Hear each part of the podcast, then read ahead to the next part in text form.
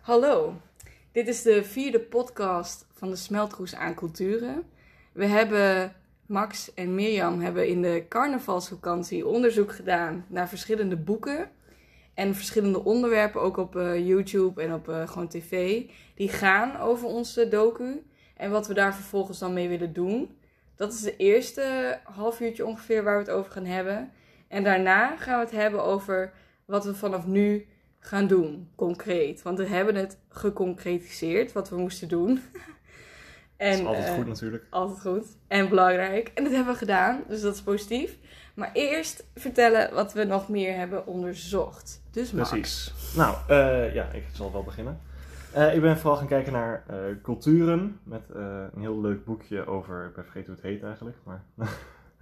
Ehm maar dat ging eigenlijk gewoon heel erg over cultuur in het algemeen. En hoe je daarmee om moet gaan. Er werden een, heel, aantal belangrijke dingen in verteld. Namelijk een van de, een van de keywords zeg maar, van dat boek was vreemdheid. Dus dan denk ik, hmm, vreemdheid, wat is dat dan precies?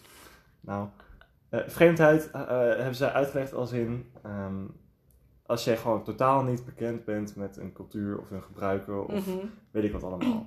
Wat zij zeggen is, eigenlijk, ze praten er veel omheen, laten we zeggen. het is volgens mij zo'n, ehm, een beetje zo'n soort leertekstboek, weet je wel, die je ook op een eh, hogeschool zou krijgen. Mhm. Maar ehm, wat zij zeggen is dat vreemdheid eigenlijk gewoon alle problemen veroorzaakt die een multiculturele samenleving heeft. Als jij niet weet hoe je met een andere cultuur om moet gaan. Onbegrip Ja, ook. precies. Vreemdheid, onbegrip, dat is eh, inderdaad Mhm. een beetje eh, hetzelfde. Ja, onbegrip is eigenlijk een goed woord ervoor.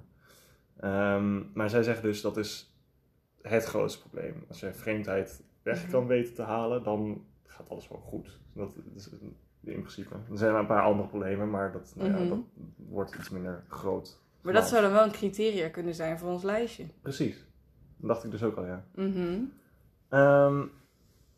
Nou ja, ze hebben het ook over in- en out groups. Dat is ook best wel een groot punt. Mhm. natuurlijk. Dat ehm, wij zijn één bepaalde groep en dat is een andere groep, dus wij mogen ze niet, want zij zijn anders. Mhm. Wat zij zeggen is ook al dat als jij gaat denken, als je iemand gaat benaderen met het idee, ehm, eh, wat je vaak krijgt is die vraag van waar kom jij vandaan, dan zeg je al dat ze anders zijn. Mhm. En dat is al niet goed. Dus dat is ook al een groot punt wat je moet vermijden. Want dan zit je al in die in- en out groep van wij horen bij de Nederlanders, waar kom jij vandaan? Weet je wel, dat, dat Mhm. idee. Ik eh, was op de ISK en toen had ik dat meerdere keren. Dat kinderen dat aan mij vroegen. Van waar komt u vandaan? En toen dacht ik echt van wat? en toen moest ik echt even nadenken. Want ik dacht, ga ik nou zeggen Nederland of Nijmegen? Wat willen ze nou eigenlijk weten? en toen, een paar kinderen wilden gewoon echt weten waar ik vandaan kwam. Gewoon Nijmegen. Maar er waren ook een paar kinderen die dachten dat ik buitenlandse roots had of zo. En die wouden echt weten uit welk land ik kwam. Ja. Maar dat voelde zo vreemd. En nu weet ik denk ik een heel klein beetje hoe dat is om dat gevraagd te krijgen. Maar het is wel inderdaad, het vervreemdt je wel heel erg. Ja, ja precies. Dat, dan Mhm. zij hebben natuurlijk ook een bepaalde ingroep natuurlijk. Dat, eh, Ja, ja. Jij valt daar ook weer een beetje buiten. Ja. Ehm, wat ze ook zeggen is, wat altijd goed is, is gewoon oprechtheid. Oprechte nieuwsgierigheid is Mhm. altijd goed. Als je gewoon oprecht nieuwsgierig bent naar een andere cultuur of naar andere Mhm. levenswijze of weet ik wat allemaal, dan ben je altijd gewoon goed bezig. Dan maakt het, je kan alles vragen als het maar uit oprechte nieuwsgierigheid komt. Dat is Mhm. eh, perfect. Zonder En- vooroordeel. Ja, precies. En hoe wij eh, welwillend hebben gedefinieerd, zetten zij oprechte betrokkenheid neer. Ehm, in de zin van als jij ervoor wil zorgen dat mensen eh, gaan doen wat jij wil, of gaan, eh, eh, jou gaan accepteren, zeg maar, dan moet je oprecht betrokken zijn met ze. Mhm. Dat dat eh, een groot punt is. Even kijken of ik die quote hier nog kan vinden. Dat heb ik ergens opgeschreven.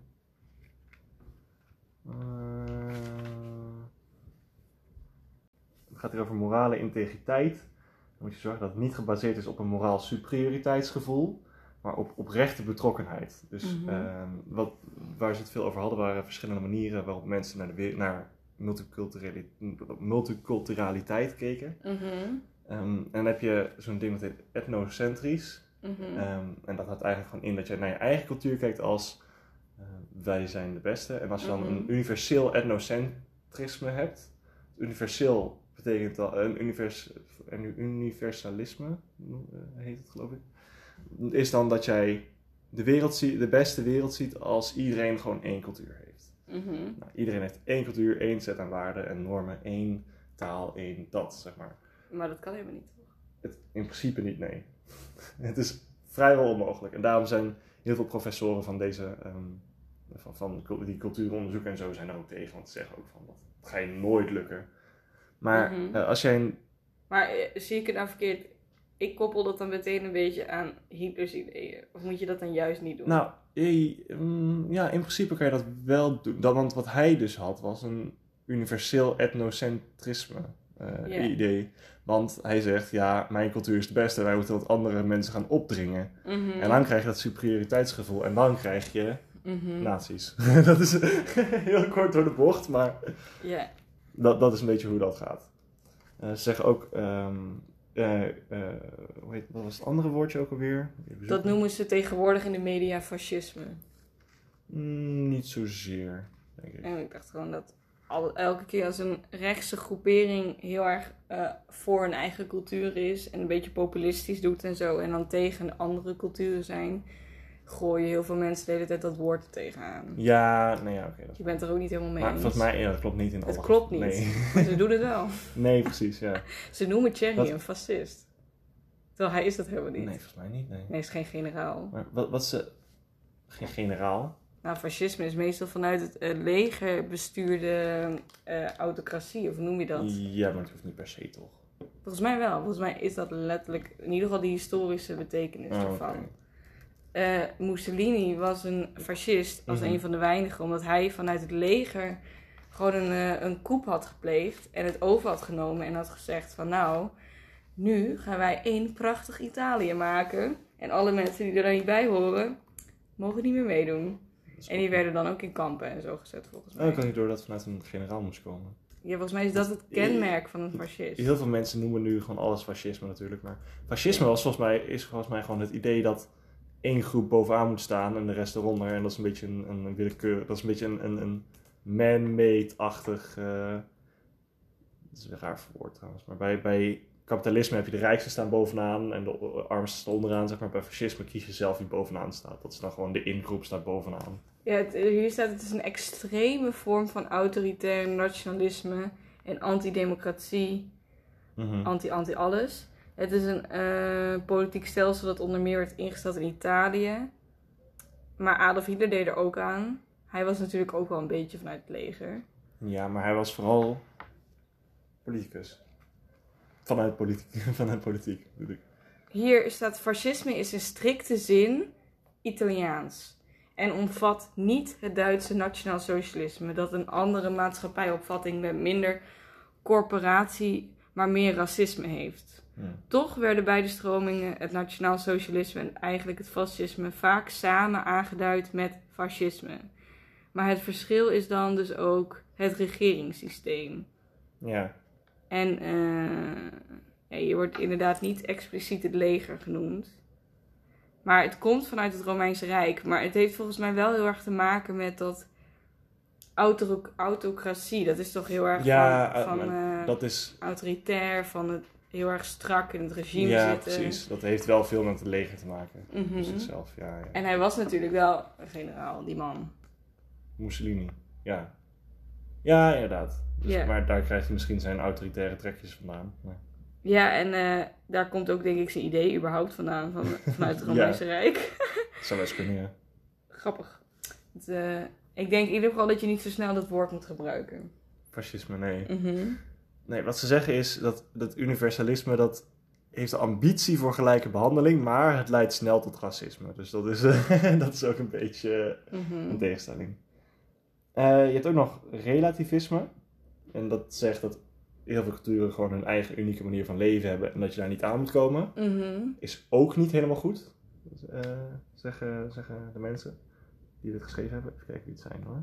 Ik heb het- Diversiteitscompetentie heet het, van Edwin Hofman en Arjan Verdoren. Eh, maar die zeggen dat moedigt aan tot het niet oordelen, maar Eh, dus heel tolerant zijn, maar tolerantie is niet altijd goed. Want Mhm. één, mensen kunnen opgesloten worden in hun cultuur in dit geval. Wat ze, hè, eh, je hebt je eigen cultuur, gedraag je ernaar. Je, je bent, weet ik Mhm. wat, moslim, ga naar de moskee, weet je wel, terwijl je dat helemaal niet zou willen misschien. Eh, en mensen gebruiken hun cultuur als excuus. Dat ze zeggen van, eh, dat iemand eh, iets- verkeerd doet, zeggen, oh, dat is mijn cultuur, dat, dat, hè, pech, dat is gewoon mijn cultuur. Ja. Dus dat is ook niet echt helemaal het idee, het, het, het, Mhm. het perfecte leven. Ehm, pluralisme, zegt ze, is perfect. Dat is actieve betrokkenheid, elkaar zienswijze en motivatie. Dus dat je elkaar probeert te begrijpen. En het doel daarvan is ook begrijpen en begrepen worden. Mhm. En dat is misschien wel een hele mooie, vind ik. Mhm. Eh, en dan zegt ze ook nieuwsgierigheid is gewoon altijd goed. Ehm, verder zegt ze altijd, eh, je kan kritisch zijn naar andere culturen, maar wat jij gebruikt als de norm voor andere culturen, moet je dan ook op je eigen cultuur toepassen, want anders ben je een beetje hypocriet bezig. Mhm. Maar dat is logisch. Ehm, ik had een ander boek gelezen. Dat was ehm, inclusiviteit in eh, journalistiek. Dus dat heeft hier Mhm. misschien iets minder mee te maken. Maar de inclusiviteitsgedeelte was eh, op zich wel interessant. Ehm ze zeggen dat inclusiviteit in de redactie Mhm. is bijvoorbeeld heel erg belangrijk. Dat gewoon verschillende culturen erin zitten. Want dan krijg je verschillende verhalen, verschillende denkwijzen, verschillende... Hè? Mhm. En eh, dat kan je ook wel doortrekken op politiek, zou ik zeggen. Dat politiek moet ook gewoon heel erg divers zijn, want Nederland is gewoon heel erg divers. Dat moet gewoon een weerspiegeling zijn van. Bevolking. En dat zeggen ze ook, dat de redactie eh, een weerspiegeling moet zijn van de Nederlandse bevolking, maar dan wat kleiner. Nou ja. Ik denk dat dat ook wel op politiek eh, Mhm. door te trekken is. Ehm, dan was er een talk van Halle Gorashi. Ik hoop dat ik de naam, ik hoop dat ik de naam goed uitspreek, ik weet het niet zeker. Mhm. Ehm, maar die had het heel erg over de macht van, zelf, van, van zelfsprekendheid. Macht van, van zelfsprekendheid. Is een beetje, Mhm. een beetje een irritante naam. Maar dat was voor haar echt een groot punt. Mhm. Want die zei, als je iets als van, als vanzelfsprekend ziet, dan kan je het ook niet veranderen. Zoals met Zwarte Piet. Ja, bijvoorbeeld. Heel veel mensen zien het als vanzelfsprekend dat hij gewoon hè, er is en hij doet de kinderen goed en Mhm. maakt verder allemaal niet uit. Dus ze willen niet luisteren naar kritiek van Zwarte Piet, want ze zeggen, ja, dat is toch vanzelfsprekend, dat, dat boeit toch niet. Mhm. Daar had ze trouwens ook nog iets anders over gezegd, namelijk dat traditie verdedigen met het punt dat het traditie is, is een heel slecht ding. Want je moet gewoon kijken naar de voor- en nadelen van de traditie. Dus als je Mhm. kijkt naar de nadelen van Zwarte Piet, nou heel veel mensen worden er boos om. Dan kan je zeggen, nou, de voordelen zijn dat eh, hè, kinderen hebben een leuk feestje. Eh, ze hebben iemand die, eh, die ze niet herkennen, een soort mythisch figuur, laten we het zo noemen. Mhm. Eh, dus dat is een mooi voordeel. Maar de nadelen zijn dan dus dat die mensen kwetst omdat ze zwart zijn. Dus dan kan je gewoon de nadelen wegnemen en de voordelen houden. Dat is hoe ze, eh, hoe ze beredeneren. Dat komt ook weer uit de diversiteitscompetentie trouwens. Eh, maar de macht van, van, van zelfsprekendheid is dus heel gevaarlijk als je er niet... Mhm. Want je hebt er geen oog voor, het is jouw blinde vlek, zeg maar. Ja. Dus daar moet je... Die moet laten zien worden. Ja. En wat ze ook zei was, de macht zit in woorden en denkbeelden. De macht is heel subtiel tegenwoordig en het is niet meer zoals vroeger dat je Hitler aan de macht had. Die had gewoon alle macht, weet je wel. Dat is, hè, het is tegenwoordig een stuk subtieler. Je gaat mensen uitsluiten door bepaalde woorden te gebruiken, door bepaalde denkbeelden te Mhm. ehm, vergroten, wat fascisten misschien ook wel doen.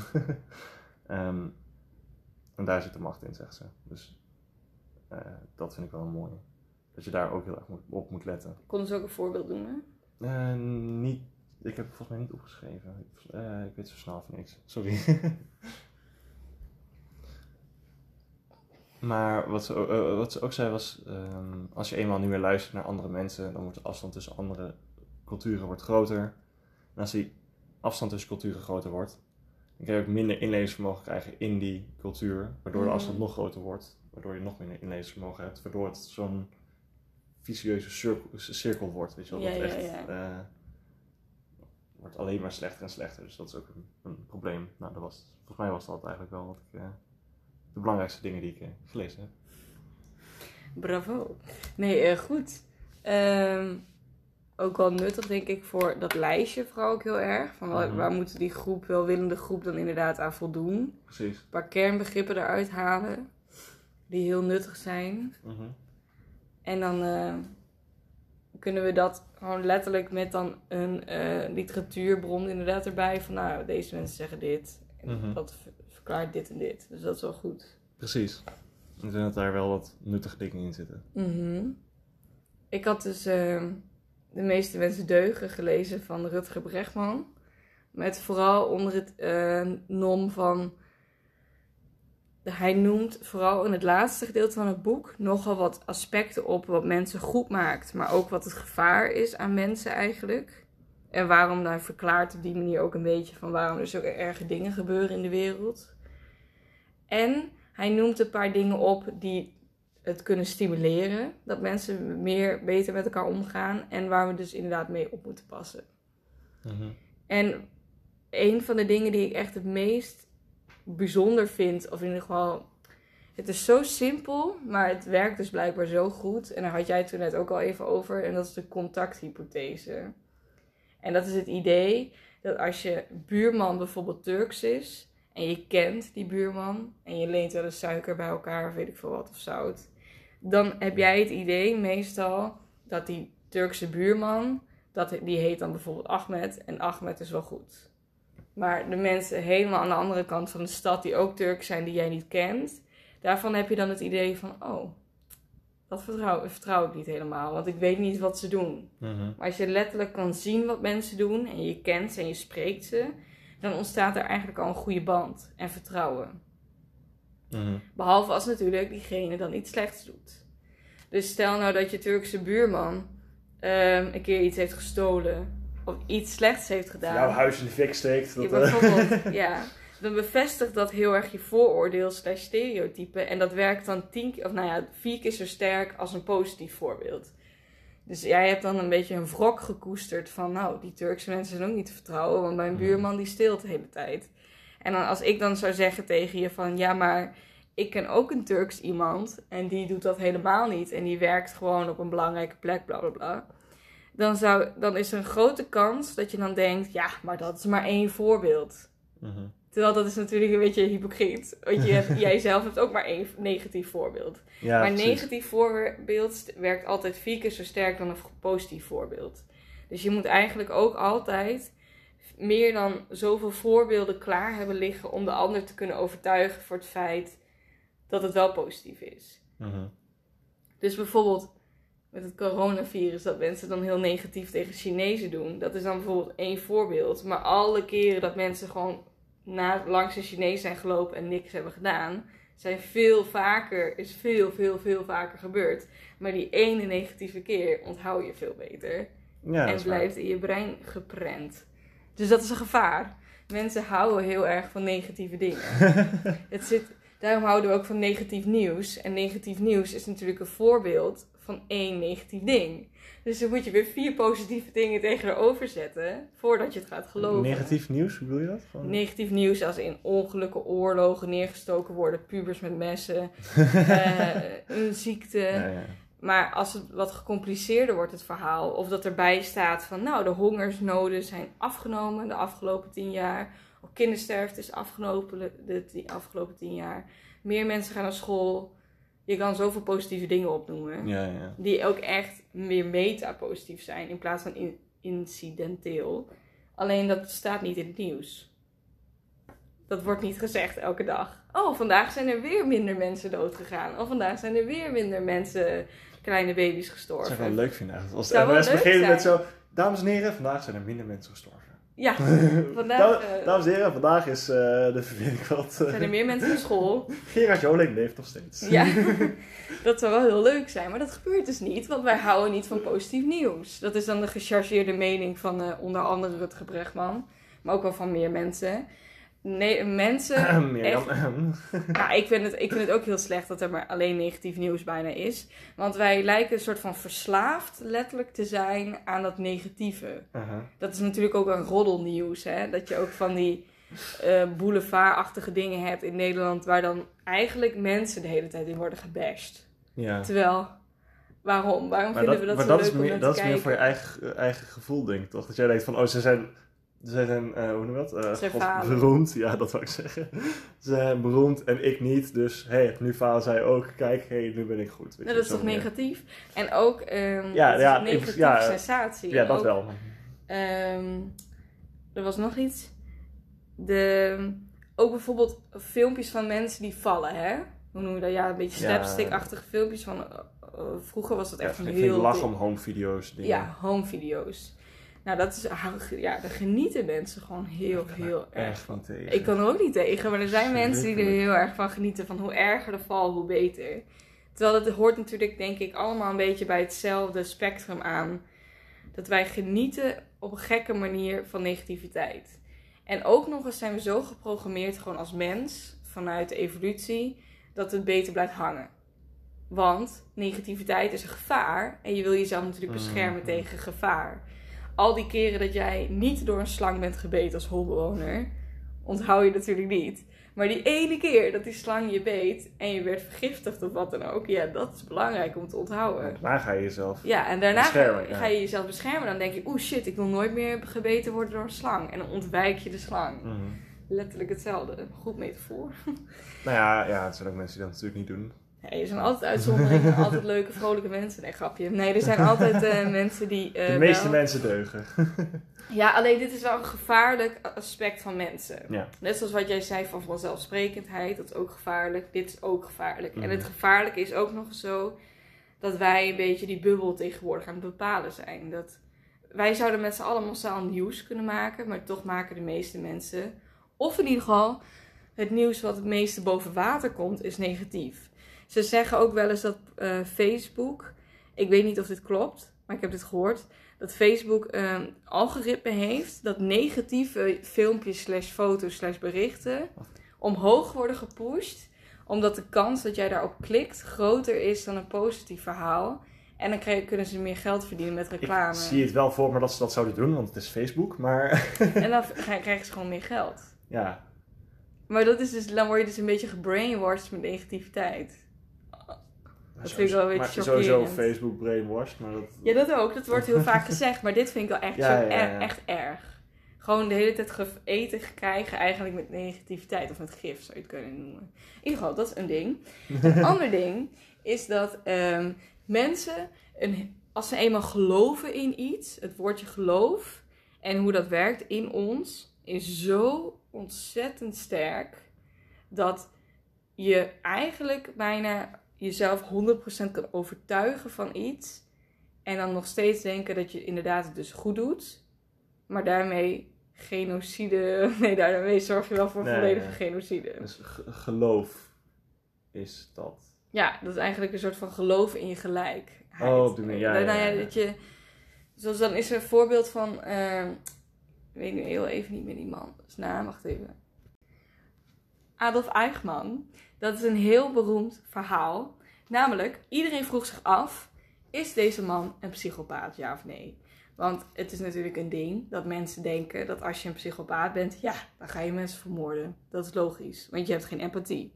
Dus er werd heel lang gedacht dat alle mannen en vrouwen die aan de top zaten van het nazi-rijk psychopaten waren. Alleen, dat is dus niet het geval. En daar wordt het een beetje eng. Want ze hebben testen en zo op Adolf Eichmann gedaan. Om te testen of hij echt een psychopaat is, ja of nee. Want hij was onder andere de man die ervoor zorgde dat het transport. Dus dat er heel veel mensen makkelijk naar concentratiekampen werden vervoerd. Dus best wel erg. En hij werd geïnterviewd en bla bla bla. En hij was eigenlijk vooral bezig met vrijkomen natuurlijk. En niet de doodstraf krijgen. Dus hij probeerde wel positiever over te komen dan dat hij was. Want er zijn audiofragmenten van hem dat hij in Hongarije is. Als hij ontsnapt. Terwijl hij, toen hij ontsnapte. Dat hij wel echt dingen heeft gezegd die bevestigen dat hij voor het nazi-beeld is. Maar dat is pas later gevonden, die audiobeelden. Of fragmenten. Dus hij was wel echt overtuigd nazi. Maar geen psychopaat. En zoveel mensen kunnen weten te transporteren. Hoe kan dat nou? Dat is dan de vraag. Hoe Ja. kan je zo slecht zijn? En dan uit psychologisch onderzoek en uit testen en alles komt er eigenlijk uit dat als jij gelooft dat je iets goeds doet, vergeet je eigenlijk hoe slechte, of nou ja, hoe onethische dingen je vervolgens aan het doen bent. Mhm. Het doel heiligt de middelen. Wat ik jou verteld over die nazi-man die al die eh, kinderen doodschoot, hè? Ja. Dat is, ehm, oh, dat is een heel naar verhaal. Of ik moet vertellen. Nee, maar het gaat Ja, wel ja. toch hetzelfde idee. Van Ja, hij dacht ja, dat hij precies. goed bezig was. ja, want hij, hij had een andere nazi-maatje, die schoot dan de moeder dood. En hij zei tegen zichzelf van, oh nou ja, zonder moeder kunnen die kinderen niet leven. Dus, hé, hey, ik eh, maak het gewoon snel. En toen schoot hij die kinderen dood. Dus hij kon verder helemaal niemand doodschieten, behalve kinderen. Dus dat is ook best. Ja, dus dan denk je een psychopaat. Maar nee, hij deed het vanuit het idee dat hij iets goeds ja, deed. precies. En wat ik ook nog eh, vanuit hetzelfde idee van oorlog. Er is ook heel veel onderzoek gedaan naar soldaten. En vooral, dan hebben we het even niet over de Amerikaanse soldaten van nu. Mhm. Maar alle andere soldaten. die vinden het helemaal niet leuk, gemiddeld, om te schieten daadwerkelijk. Of Mhm. iemand neer te steken of wat dan ook. Want ze vinden dat psychisch heel erg moeilijk. Om mensen dood te maken. En uit de Eerste Wereldoorlog en de Tweede Wereldoorlog zijn de meeste doden gevallen vanuit bommen. Ja, Dus vanuit vliegtuigen, want dan zie je niet wie je doodmaakt. was Maar daadwerkelijk schieten, dat doen heel veel soldaten helemaal niet. Daarom, daarom trainen ze ook van die silhouetachtige dingen, dat ze daar dat leren. Want volgens mij Ja. dat, had ik ook ergens gehoord, bij de Amerikaanse burgeroorlog en zo, in Mhm. die tijd, met eh Napoleontische oorlogen, Mhm. dat ze heel veel misten, want ze wilden gewoon niet de mensen doodschieten. Ja, Ze stonden 100 meter tegenover elkaar of zo, alleen ze misten bijna allemaal. Dus dat ja, en of ook- te hoog schieten Ja, of te vaak precies. herladen. Ja. Omdat je echt denkt, ik heb hier helemaal geen zin in. Dus je gaat gewoon tien keer je pistool Precies, herladen. precies. Dus zijn het zijn dan daar de kanonnen en zo die ook het... eh, Ja, de, de of hoe heet dat? Dat pistool met, waar zo'n steekding aan zit, ja. Bajonet. Ja. Er, er zijn bajonetten gevonden in de grond waar gewoon vier kogels te veel in zaten. Maar niet eentje, maar heel veel van bajonetten met te veel kogels erin. Dat betekent dat mensen gewoon die pistolen de hele tijd aan het herladen waren. Omdat ze gewoon geen zin hadden om te schieten. Of geen, Nou, precies, ja. ze konden gewoon niet schieten. En, Dat vind ik eh, eigenlijk wel mooi, maar dat... ja, vind ik heel mooi. Vind ik ook heel positief. Dus we hebben het fenomeen van... ehm, als jij echt heilig overtuigd bent van iets... dan kan je echt, echt hele slechte dingen doen. We hebben natuurlijk de psychopaten. Gewoon de mensen zonder empathie. En we hebben nog, wat ik toen net vertelde... over dat ehm, je, we worden een beetje geïndoctrineerd met slecht nieuws. Mhm. En daardoor krijgen we een negatief beeld van mensen. En vooral tegenwoordig natuurlijk van de buitenlanders. Ja, Als er continu in het nieuws dat wordt is verteld inderdaad wel een goed punt, ja. dat er negatieve dingen aan de hand zijn met de Marokkanen. Zoals wat Thierry Baudet heel veel doet. Van nou, weet je wel, ze zijn weer slecht. en Ze staan op straat en ze discrimineren vrouwen en Ja, ja, alles. En als jij dat continu hoort en je ziet nooit vier keer iets positiefs gebeuren vanuit de Marokkaan. Dan ga je dat dus geloven. ja. En wat je dus gelooft, werkt heel sterk. Oh, dat is inderdaad wel heftig. En dat Eh, is heftig. En dan creëer je dus hele lastige situaties. Maar goed, eh, deels op te lossen is dus contacthypothese. Dus in contact Mhm. komen met dus bijvoorbeeld vier positieve Ja, verhalen dat is een positieve voorbeeld van... eh, Ja. En ehm, wat er ook nog, wat ik een heel mooi verhaal vond, even kort nog, was dat er zijn dus ook mensen die geloven in, ehm, hoe heet het nou? De niet-complementair gedrag heet dat. Dat is een, ook een, eh, in de psychologie een eh, onderzoek. Dat betekent dat stel jij hebt een anekdote. Oké, even een anekdote. er is een verhaal van een man in Amerika die eh, in de sociale zorg werkt en elke dag precies hetzelfde deed. Hij ging met de metro naar huis en dan had hij een stopje te ver, te, eerder ging hij eruit om wat te gaan eten. Op een avond was het donker in de metro en stapte hij uit en stond er ineens een man voor hem met een mes. En die zei tegen hem, ik wil jouw portemonnee. Of anders steek ik je, weet je wel dat idee. mhm. En toen had die man, die wist dus heel veel van dit soort dingen, die gaf hem zijn portemonnee en zei toen vervolgens, wil je ook mijn jas hebben? En toen zei die overvaller, was toen helemaal flabbergasted en die had echt zoiets van, wat? Eh, waarom zou je me je jas geven? Ik loop je letterlijk te bedreigen. En toen zei die man, ja nou het is koud, het is winter en je hebt duidelijk het nodig, anders zou je me niet gaan eh, bedreigen met een mes. Dus ik denk, jij hebt die jas nodig van mij en ik heb wel genoeg geld.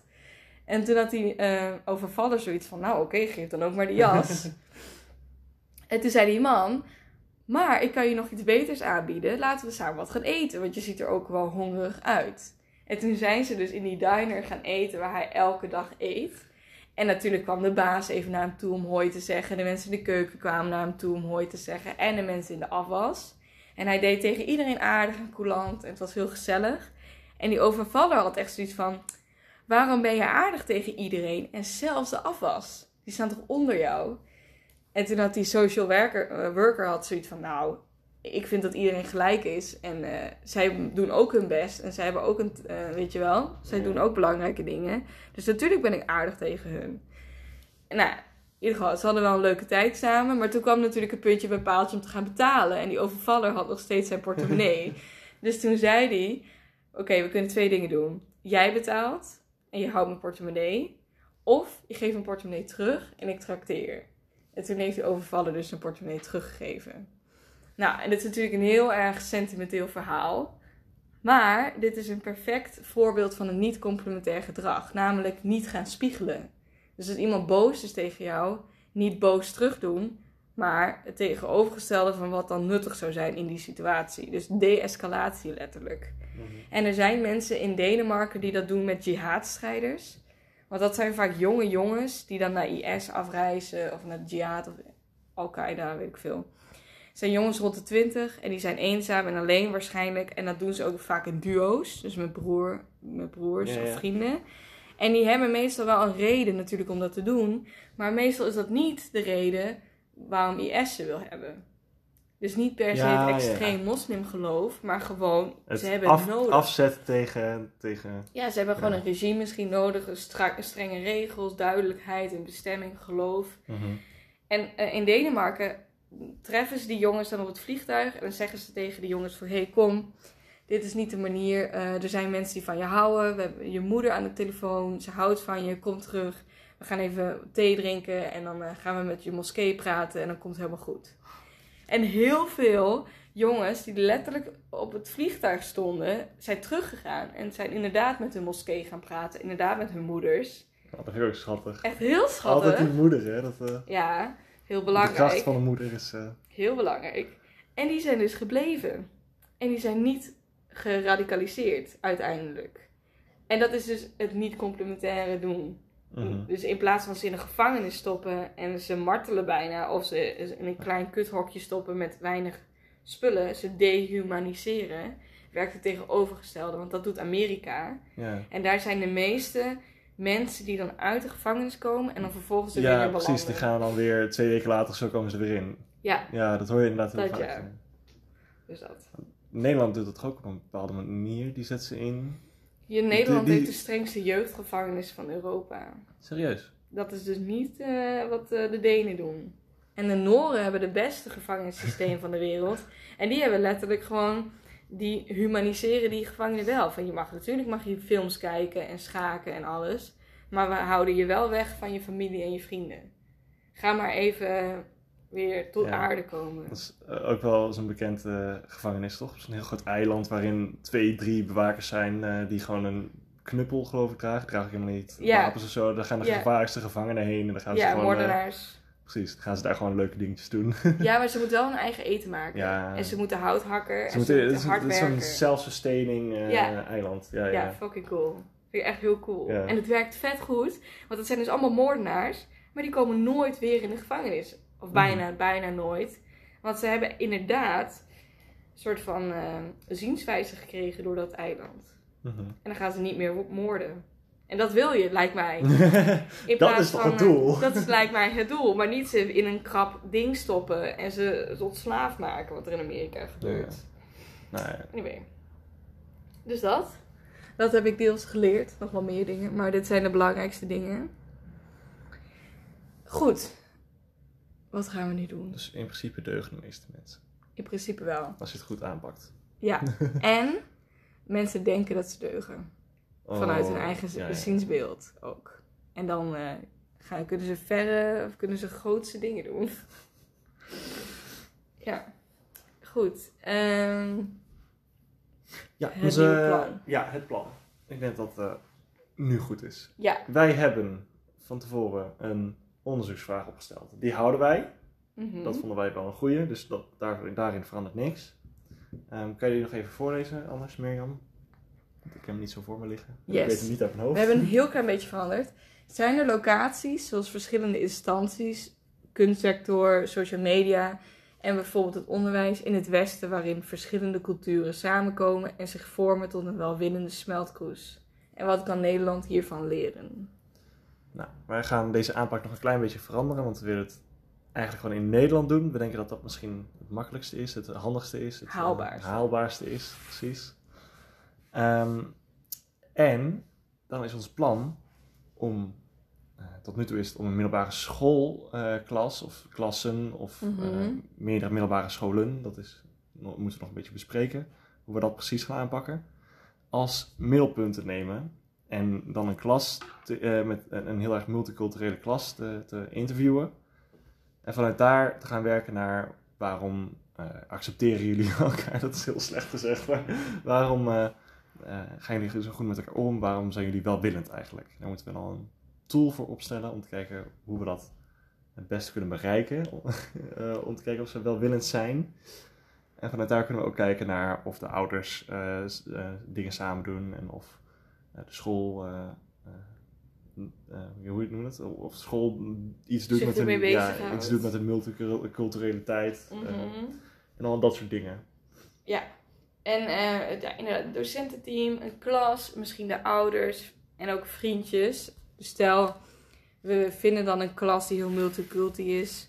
En dan kunnen we natuurlijk ook kijken wie zijn nou pre- precies bevriend met elkaar.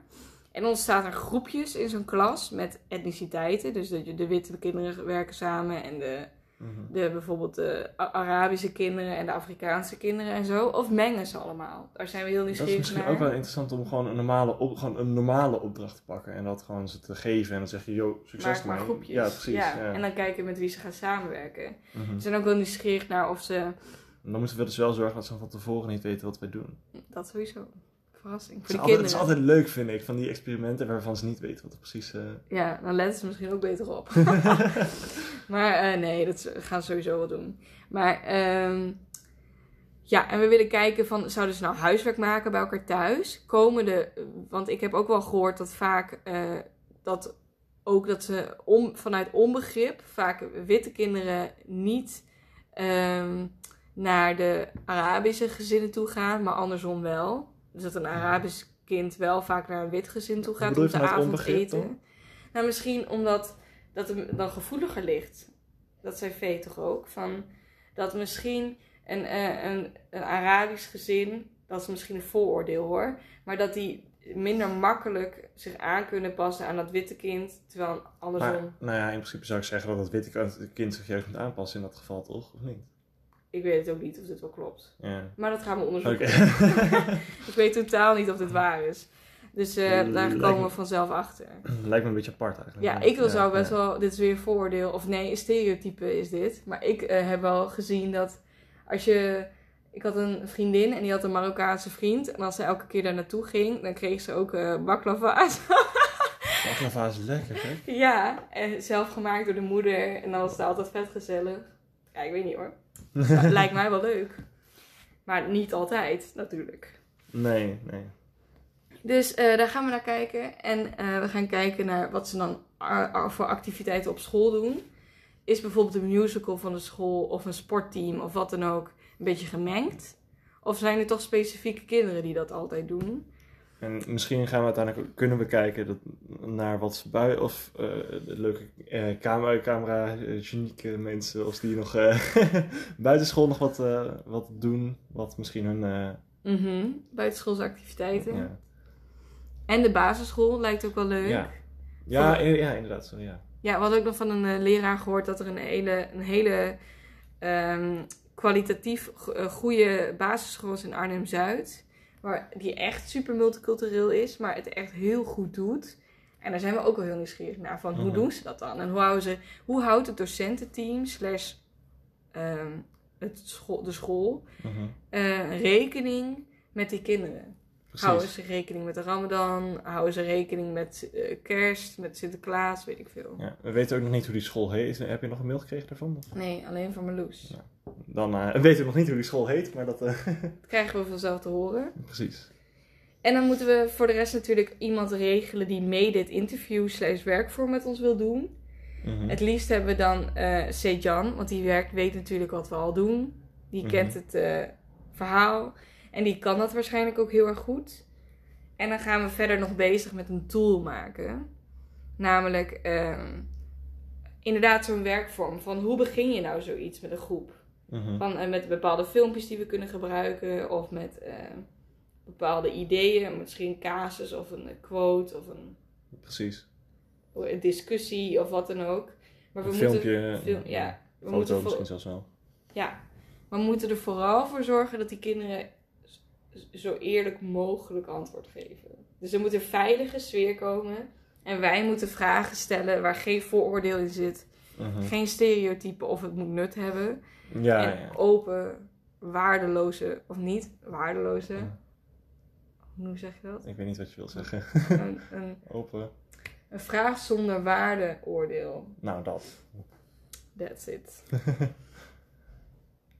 Dus dat. Misschien willen we ook kijken naar, eh, we moeten ook kijken naar volwassenen. Moeten we even kijken hoe we dat willen gaan doen. Want alleen die ouders, ja, kinderen zijn natuurlijk super interessant Mhm. voor dit.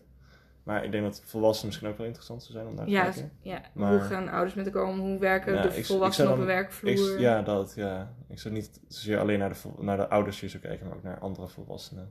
Mhm. En ehm, we gaan ook nog spreken met een, een kunstenares die dit doet, maar dan met kunst.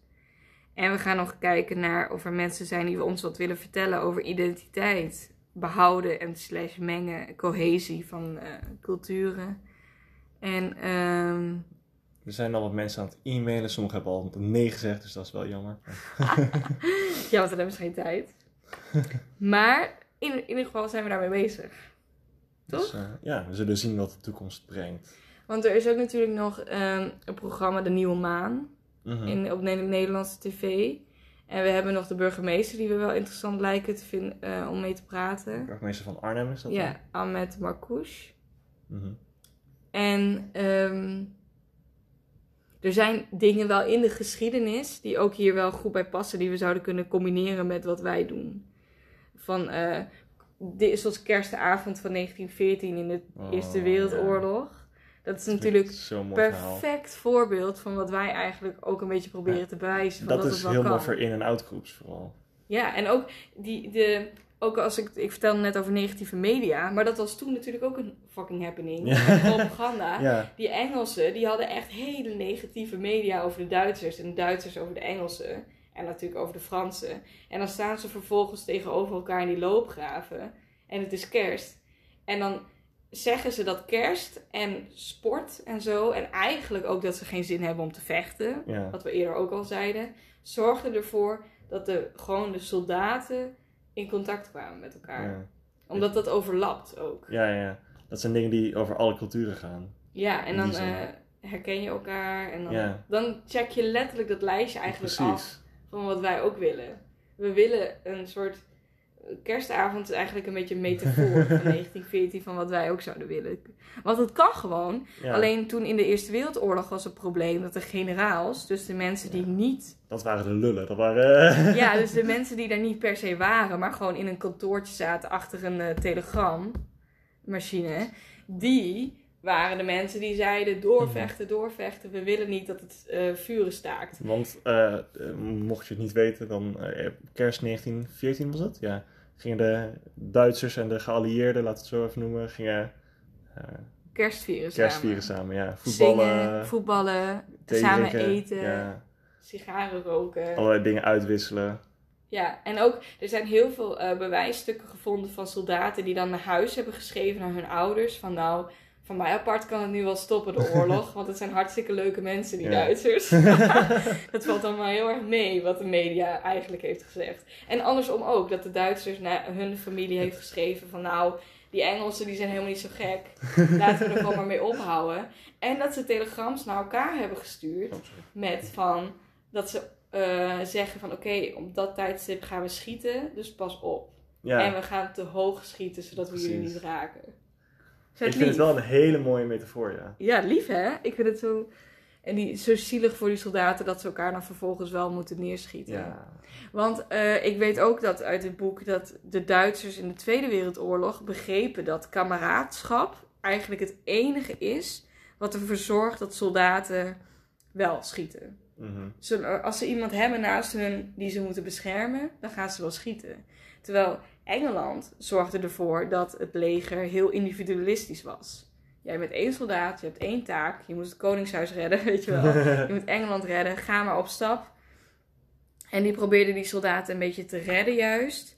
Door ze eh, geen con- persoonlijk contact te laten hebben met hun medesoldaten. Mhm. Dus juist het, eh, eh, hoe heet dat? dat- Geen persoonlijkheid. Persoonlijkheid Oh, werd ja, ja. En daardoor hebben ze dus ook zulke erge shellshock uiteindelijk gekregen. Want als je de mensen niet kent om je heen en ze sterven allemaal met bosjes, dan eh, flipt er iets in je brein. Want je brein begrijpt dat niet. Van ik Mhm. ken jullie niet, maar jullie zijn allemaal wel dood. Jullie Moet ik- horen bij mij. jullie dat, eh, horen ja. bij mij. Moet ik dit erg vinden, ja of nee? En dan gaat er iets fout in je brein. En Ja. dan kan je dus hele heftige shellshock krijgen. Terwijl de Duitsers hadden zoiets van... Oké, jullie gaan harder vechten als jullie elkaar goed kennen. Mhm. Dus die hebben le- letterlijk kameraadschapkampen gesticht. Waarin ze elkaar gingen bro, weet je wel, dat ze bro's Ja. werden. Dat vond ik ook wel mooi. Die, eh, dat was zo'n Griekse, volgens mij zo'n Griekse, echt van heel ver terug, echt oud Grieks. Mhm. Ehm, eh, groep strijders, die waren dan, eh, waren allemaal homo's die allemaal in één, hoe noem dat, peloton of zo, zaten. En die gingen dan ook allemaal vechten. Dus die, die, waren gewoon allemaal vriendjes samen. Dat was ook wel grappig. Dat, eh, En dat werkt dus vet goed, want het Mhm. Duitse leger, ik neem aan ook die peloton, die, Ja. die waren de hardste vechters. Ja, ja, vechters. Die inderdaad. waren hard te verslaan, want ze dachten, ik wil niet dood. Ik wil niet dat mijn kameraad doodgaat, dus ja, dan ga ik er maar voor. het werkt heel goed. mhm. En die mensen eh, werden ook met enquêtes werden gedaan met eh nazi-strijders. Van wat vonden jullie nou eigenlijk van dat hele nazi-idee? En echt volgens mij de helft van die soldaten had zoiets van... Nou, Het zal wel. het zal wel, het boeit mij niet. Ik moest hier gewoon vechten. dat zegt ook wel iets. Dat geloof werkt niet zo goed op het veld. Maar, ja, nou, ja, natuurlijk is het bovenin het belangrijkste. Ja, en die pushen. En die zorgen voor geweld.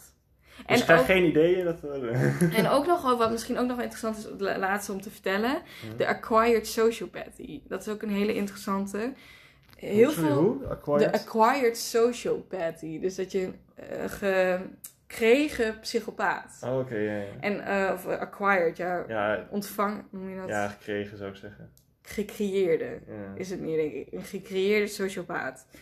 Dat is zo. Het is een theorie ook in de psychologie dat mensen in het algemeen natuurlijk geen psychopaat zijn. Mensen hebben gewoon empathie, mensen hebben compassie, mensen houden van elkaar in hun bubbel. Maar als je een hogere functie krijgt dan het voetvolk, krijg je psychopaat eh, karaktereigenschappen. En dat komt natuurlijk door de groep zelf, die geven jou dat. En op een of andere manier is het een waanidee van hoe hoger de ladder, hoe meer jij het idee hebt dat je dingen kunt maken. En er zijn onderzoeken naar gedaan, hele simplistische onderzoeken met echt chockerend wel een beetje. Het Cookie Monster experiment heet dat. En dan hebben ze een leuke, leuke naam. En dan hebben ze studenten, lieten ze een, een lab-experiment doen. Gewoon, weet je wel, gewoon op hun school, op hun universiteit. En dan moesten ze, één iemand moest de baas worden van dat lab-experiment. En dan waren ze met z'n drieën. En één van die drieën werd dan dus de baas. En dan kregen ze een schaal met vier koekjes. En dan was het Oh. idee, wie krijgt het vierde koekje? En systematisch bij elk groepje die dat experiment deed, ging de baas ervan uit, ook al was hij dat nog maar vijf minuten, dat hij het vierde koekje verdiende. En ze smakken meer. En eten meer met hun mond open. En eh daar is ook een onderzoek gedaan met hoe duurder de auto, hoe meer eh, mensen door rood rijden. En vooral bij de BMW is dat zo. Dat, eh, Ik ga daar maar geen uitspraak over doen. Dat, ja, nou ja, er zijn dus wel testen gedaan die allemaal heel erg duidelijk suggereren dat een hogere functie in een systeem, deels door de mensen om je heen, maar ook deels door jezelf, ervoor zorgt dat je gewoon minder empathie hebt en asociale gedrag gaat vertonen. Wat mijn boek dan weer zei, mensen in hoge posities die inderdaad zo'n soort, zo'n soort verdrag vertonen, staan ook minder open voor. Die, hebben dat etnocentrische. Die zeggen, als er ideeën van beneden komen van hé, hey, misschien kan je dit doen of dat doen, zeggen ze, mijn, mijn, hoe, ik ben hier gekomen, dus ik weet hoe het moet, dus nee, dat doen we niet. Ja, een beetje narcistisch of Ja, zo. ja eigenlijk wel, ja. ja. Maar dat is dus gecreëerd. Dus eerst tien jaar eerder waren ze dan bijvoorbeeld totaal niet zo. Dan ben je ineens de baas van een bedrijf. En dan eh, ben je gewoon, verander je langzamerhand in een sociopaat. Of een psychopaat. Of wat Een sociopaat is dat dan, Ja, toch? ik denk een sociopaat. Als je, als je verandert erin, dan ben je een sociopaat. Volgens mij is dat Ja, het. ja, want ze hebben natuurlijk wel empathie. Alleen dat wordt gewoon weggedrukt. En ze gaan zich steeds asocialer gedragen. Tegen de regels in, dingen doen die niet mogen. Maar dan onder het idee van, ja, ik ben de baas. Dus het kan wel. Fucking raar. In ieder geval, dit zijn dus allemaal dingen waar we rekening mee gaan houden voor onze werkvorm. Toch? Ik denk dat laatste wat minder, maar ja. Nou, moet je rekening mee houden. De, de, de baas van de school. Nee, ik. Eh, Docenten. nou, in, eh, die zijn meestal wel iets empathischer. Maar Nou, docenten die hebben toch ook vaak het idee... ik mag wel eten in een lokaal, maar kinderen niet. Ja, ze zeggen inderdaad wel van omdat ik de docent ben. Maar, Ja, letterlijk dat. Letterlijk dat. maar ik denk niet dat ze dat letterlijk bedoelen, of wel? Bedoelen, bedoelen, het is, gewoon, het is gewoon zo. Als jij de baas bent, dan heb je het idee dat je meer mag. Ja, dat is waar. Of bijvoorbeeld dat ze dan met hun benen over tafel gaan zitten. Zo. Of achterover geleund. Dat doen docenten. En dan als een kind dat zou doen, dan zeggen ze... Ho, ho, dat mag niet. Of te laat komen. Er zijn heel veel docenten die te laat komen. En dan een kind straf geven als die maar een minuut te laat komt. Mhm. Jongen, ik kan zoveel dingen opnoemen die docenten doen. Onder het nom van ik ben de baas, dus het kan wel. Ja, ja. Ik zou iets om rekening mee te houden. gewoon ook gewoon om te beseffen, denk ik wel. Goed om te weten. Ja, Dat het heel makkelijk is om in, die asociaal, om in dat asociale gedrag te belanden. Met macht. mhm. Dus dat. macht is het meest verrottende... Corrumpeert je ziel. Goed. That's it. Toch? Ja. Dus eh, we hebben ons nieuwe idee eh, Ja, en inderdaad dan... eh, eh, voorgelegd. volgende keer gaan we het over de werkvorm helemaal hebben. Mhm. Dus dan is de hele podcast een werkvorm idee creëren. Superleuk. Hartstikke leuk. Het komt helemaal goed. Dus, doei! Later.